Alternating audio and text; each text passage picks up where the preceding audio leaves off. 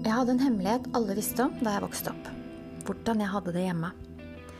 Jeg var et løvetannbarn. Vi som ikke vokste opp på grunn av, men på tross av. Mange av oss har gått inn i voksenlivet med dype, usynlige sår. Var det mulig så lenge etterpå å lege disse sårene? Velkommen til Hørt. Mitt navn er Linn, og dette er min reise.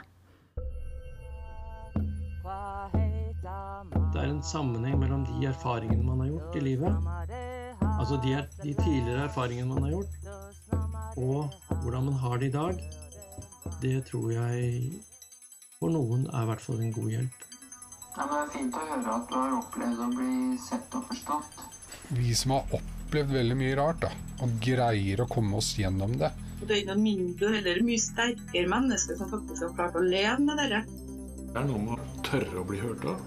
Psykologisk, psykologisk overgrep, da. Emosjonell mishandling. Men samtidig så vet vi begge hvordan det er å bli svikta av dem som skal være tryggheten i livet vårt. Så jeg har brukt veldig mye av voksenlivet på å frigjøre min historie fra alle de andre.